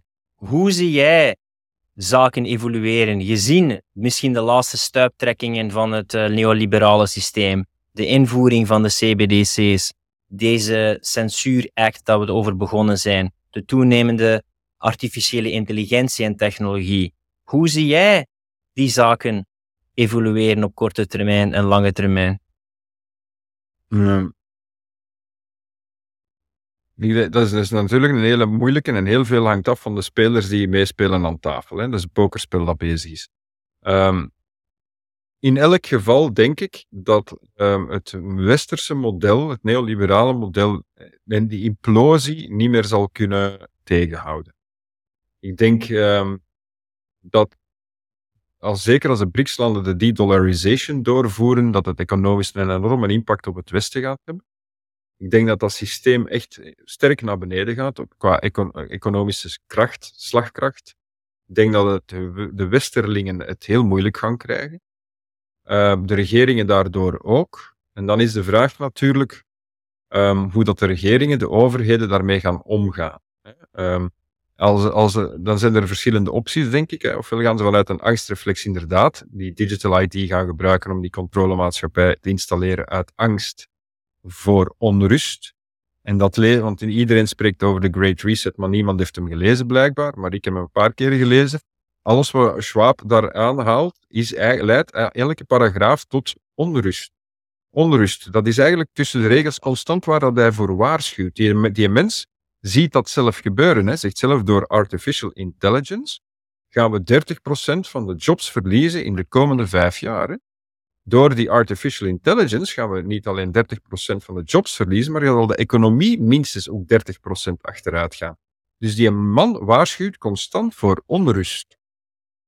Ja, als natuurlijk, als je dat even in lijn brengt met die uh, digital ID en dat controlesysteem waar ze zo naar uit zijn en dat censuur, die censuur dat ze al aan het ontplooien zijn, dat hangt allemaal wel wat samen, omdat ze angst hebben, denk ik, in de westerse regeringen, dat de bevolking in opstand gaat komen, want ze voelen zelf dat ze geen controle meer hebben. En dus dat systeem gaat collaberen, sowieso. En ik, schat dat dat zeven jaar gaat duren. Ze hebben mij dat ooit eens in de nieuwe wereld gevraagd, hoe lang dat, dat ging, duren, eh, ging duren. Dat is twee jaar terug. Ik heb toen gezegd ongeveer acht jaar. Dus oké, ik zit er niet ver naast. Denk, zeven jaar zal dat duren. Um, maar wanneer zal dat aanvangen? Dat zal zijn, denk ik, na 2027. Waarom? Omdat de Europese Commissie zelf naar voren schuift dat dat eigenlijk het kenterpunt moet worden. Eh, ook naar die elektronische wagens. Tegen 2030 moet die een omslag volledig bezig zijn. Ik denk, dat gaat niet sustainable zijn. Dat gaan, ze gaan dat niet kunnen volhouden. Dat hele systeem gaat komen. En dan gaat er dan een nieuwe wereld moeten gebouwd worden. En dat gaat gebeuren. En ik ben ervan overtuigd dat de mensen um, als ze terug in hun eigen kracht gaan staan, hè, Filip, en dat ze allemaal terug het heft in eigen handen nemen en zich niet meer laten leiden door het systeem, maar zelf voor zichzelf gaan opkomen en zelfvoorzienig worden en, en, en, en terug beslissingen bij zichzelf nemen, uh, de beslissingsrecht bij zichzelf zetten in plaats van dat aan een ander te geven, dat het stopt. En dan, dan collabeert dat systeem toch. We moeten denk ik terug naar een veel meer lokale economie gaan. Uh, proberen van die supranationale instellingen zoals, uh, of uh, sorry, ehm, bedrijven zoals Procter Gamble, Unilever. 80% van wat wij, wat wij gebruiken in ons dagdagelijks leven gaat allemaal naar die elf grote bedrijven. Als we stoppen met Coca-Cola drinken en stoppen met McDonald's te eten en stoppen met, die, met wasproducten te kopen van Procter Gamble en Unilever en we zoeken dat lokaal, er zijn lokale producenten bezig met die eigen producten, dan stopt dat allemaal. Dat, dat, systeem gaat instorten. En dan gaat er toch, en dat is elke keer zo in de geschiedenis, zie dat gebeuren. Als een systeem instort, nadien groeit veel. En terug. En dan is er terug, dan zijn er mogelijkheden. En het systeem is op. Dus het moet imploderen. En het Westen zal daar, denk ik, het zwaarste door getroffen worden. In Azië zitten ze eigenlijk op jullie niveau 50 jaar geleden. Uh, met een, grote on, on, ongelijkheid en armoede en rijkdom. Die gaan nu een transitiefase door, die het Westen ook heeft doorgemaakt op, op 50, 60 jaar tijd. Gaan zij nu het overnemen en gaat hier de ongelijkheid stilaan wat kleiner worden. De middenklasse begint, en dat zie je dagdagelijks, groeit hier dagdagelijks aan. Um, maar het Westen ja, zal er inderdaad de komende tien jaar niet op vooruit gaan. Maar nadien allee, gaat echt een, aan een nieuwe wereld moeten gebouwd worden. En dat zal moeten komen van mensen zoals jij en andere mensen die het bredere kader zien en die zich ook voorbereiden en die zullen ook nodig zijn om die wereld terug een richting mee te geven. En dan gaan er heel veel zijn, denk een 70% die heel hard tegen de muur gaan lopen, als inderdaad de vroeg of laat de stekker er wordt uitgetrokken. En die mensen gaan we allemaal moeten meekrijgen. Hè? Die gaan, we gaan allemaal samen moeten werken om, om naar een betere wereld te gaan. Ik denk ook dat we best samenwerken en verbinden met de mensen die zien wat er op lange termijn gebeurt. Want een van de dingen dat we ook merken is wat jou besprak, uh, dat uh, die klikkers die uh, ingehuurd worden, die verbreken van sociale banden, dat leidt eigenlijk tot gebrek aan vertrouwen in jezelf en gebrek aan vertrouwen in anderen. En ik denk dat dat ook nog bijdraagt tot de onrust, Matthias de Smet het vaak over heeft, of de verantwoordelijkheid afschuiven voor een oplossing, omdat mensen geen vertrouwen meer hebben. Dus als mensen leren vertrouwen op zichzelf en gelijke stemmen, dan kunnen we beginnen bouwen aan nieuwe dingen, terwijl het oude afsterft. Uh, als mensen meer aan zichzelf willen bouwen, aan jouw project Humanuel, of meer willen weten over gezonde levenswijze, gezonde levensstijl, waar kunnen ze meer ontdekken over al het werk dat jij doet? Wel, binnen een paar weken komt de, de, de, de platform eindelijk online. Dus wij hopen, nou, ik denk publiek voor eind september er wel te zijn. En dat zal dan op humanuel.org uh, org zijn, dat je ons kan vinden. Twee pijlers, biomedisch, maar dat gaat dan heel breed, van Ayurveda tot plant-based medicine. En daar zullen we van alles communiceren. Mensen gaan zelf een profiel kunnen aanmaken. Ze kunnen ook reageren op het maatschappelijke luik. Dat gaat over sociologie, psychologie, e uh, economie, geopolitiek. Uh, daar zijn podcasts over de Palestijnse-Israëlische kwestie die zijn opgenomen, over des- en misinformatie die zijn opgenomen. We gaan podcasts hebben, masterclasses, lectures, keynotes, heel veel artikels, allemaal geschreven door mensen met een onderzoeksachtergrond, allemaal uh, specialisten in hun domein. En de mensen zelf, wij willen een wereldwijde community maken. Om mensen te verbinden. En iedereen kan daar een profiel aan maken en zal op basis van dat profiel kunnen reageren op artikels, op al de rest van informatie dat daar rondgaat. Ze hebben een eigen community waar ze met elkaar in gesprek kunnen gaan. Ze kunnen zelf topics lanceren. Ze kunnen wij willen dat mensen uit Mexico ervaringen kunnen delen met mensen vanuit België, uit Hongarije, uh, Bulgarije, dat die leren van oké, okay, dat systeem staat hier op imploderen, hoe kunnen we van elkaar leren om daarmee om te gaan. Wij willen wereldwijd die mensen bij elkaar brengen die nu al aan het zoeken zijn naar oplossingen om naar een betere wereld te gaan en die moeten elkaar daar kunnen vinden. Wat wij doen vanuit die onderzoeksgroep is vooral science-based journalism. We gaan gewoon vanuit de wetenschap zaken geopolitiek, economisch, biomedisch naar voren brengen die eigenlijk niemand ziet of die niet in de media komen bij jullie, ook op biomedisch vlak, hè, de narratieven wat doorbreken, zoals we het daar net al over hadden. En ook dat maatschappelijk thema gaat enorm belangrijk zijn, omdat dat de toekomst is waar we heel hard zullen moeten aan werken. Bedankt voor je strijd en expertise en ik wens je veel succes en ik kijk er naar uit om eindelijk de site te zien lanceren in september 2023. Dankjewel, Filip. Vind je het leuk wat we doen en wil je het vrije woord ondersteunen? Ga dan naar hetehangijzers.com steun en word lid of doneer, zodat we onafhankelijk open gesprekken kunnen blijven voeren. En wens je meer impact en meer vrijheid te creëren als coach? Ga dan naar clientcloser.com start en ontdek hoe jij misschien onze volgende rebel met een missie wordt.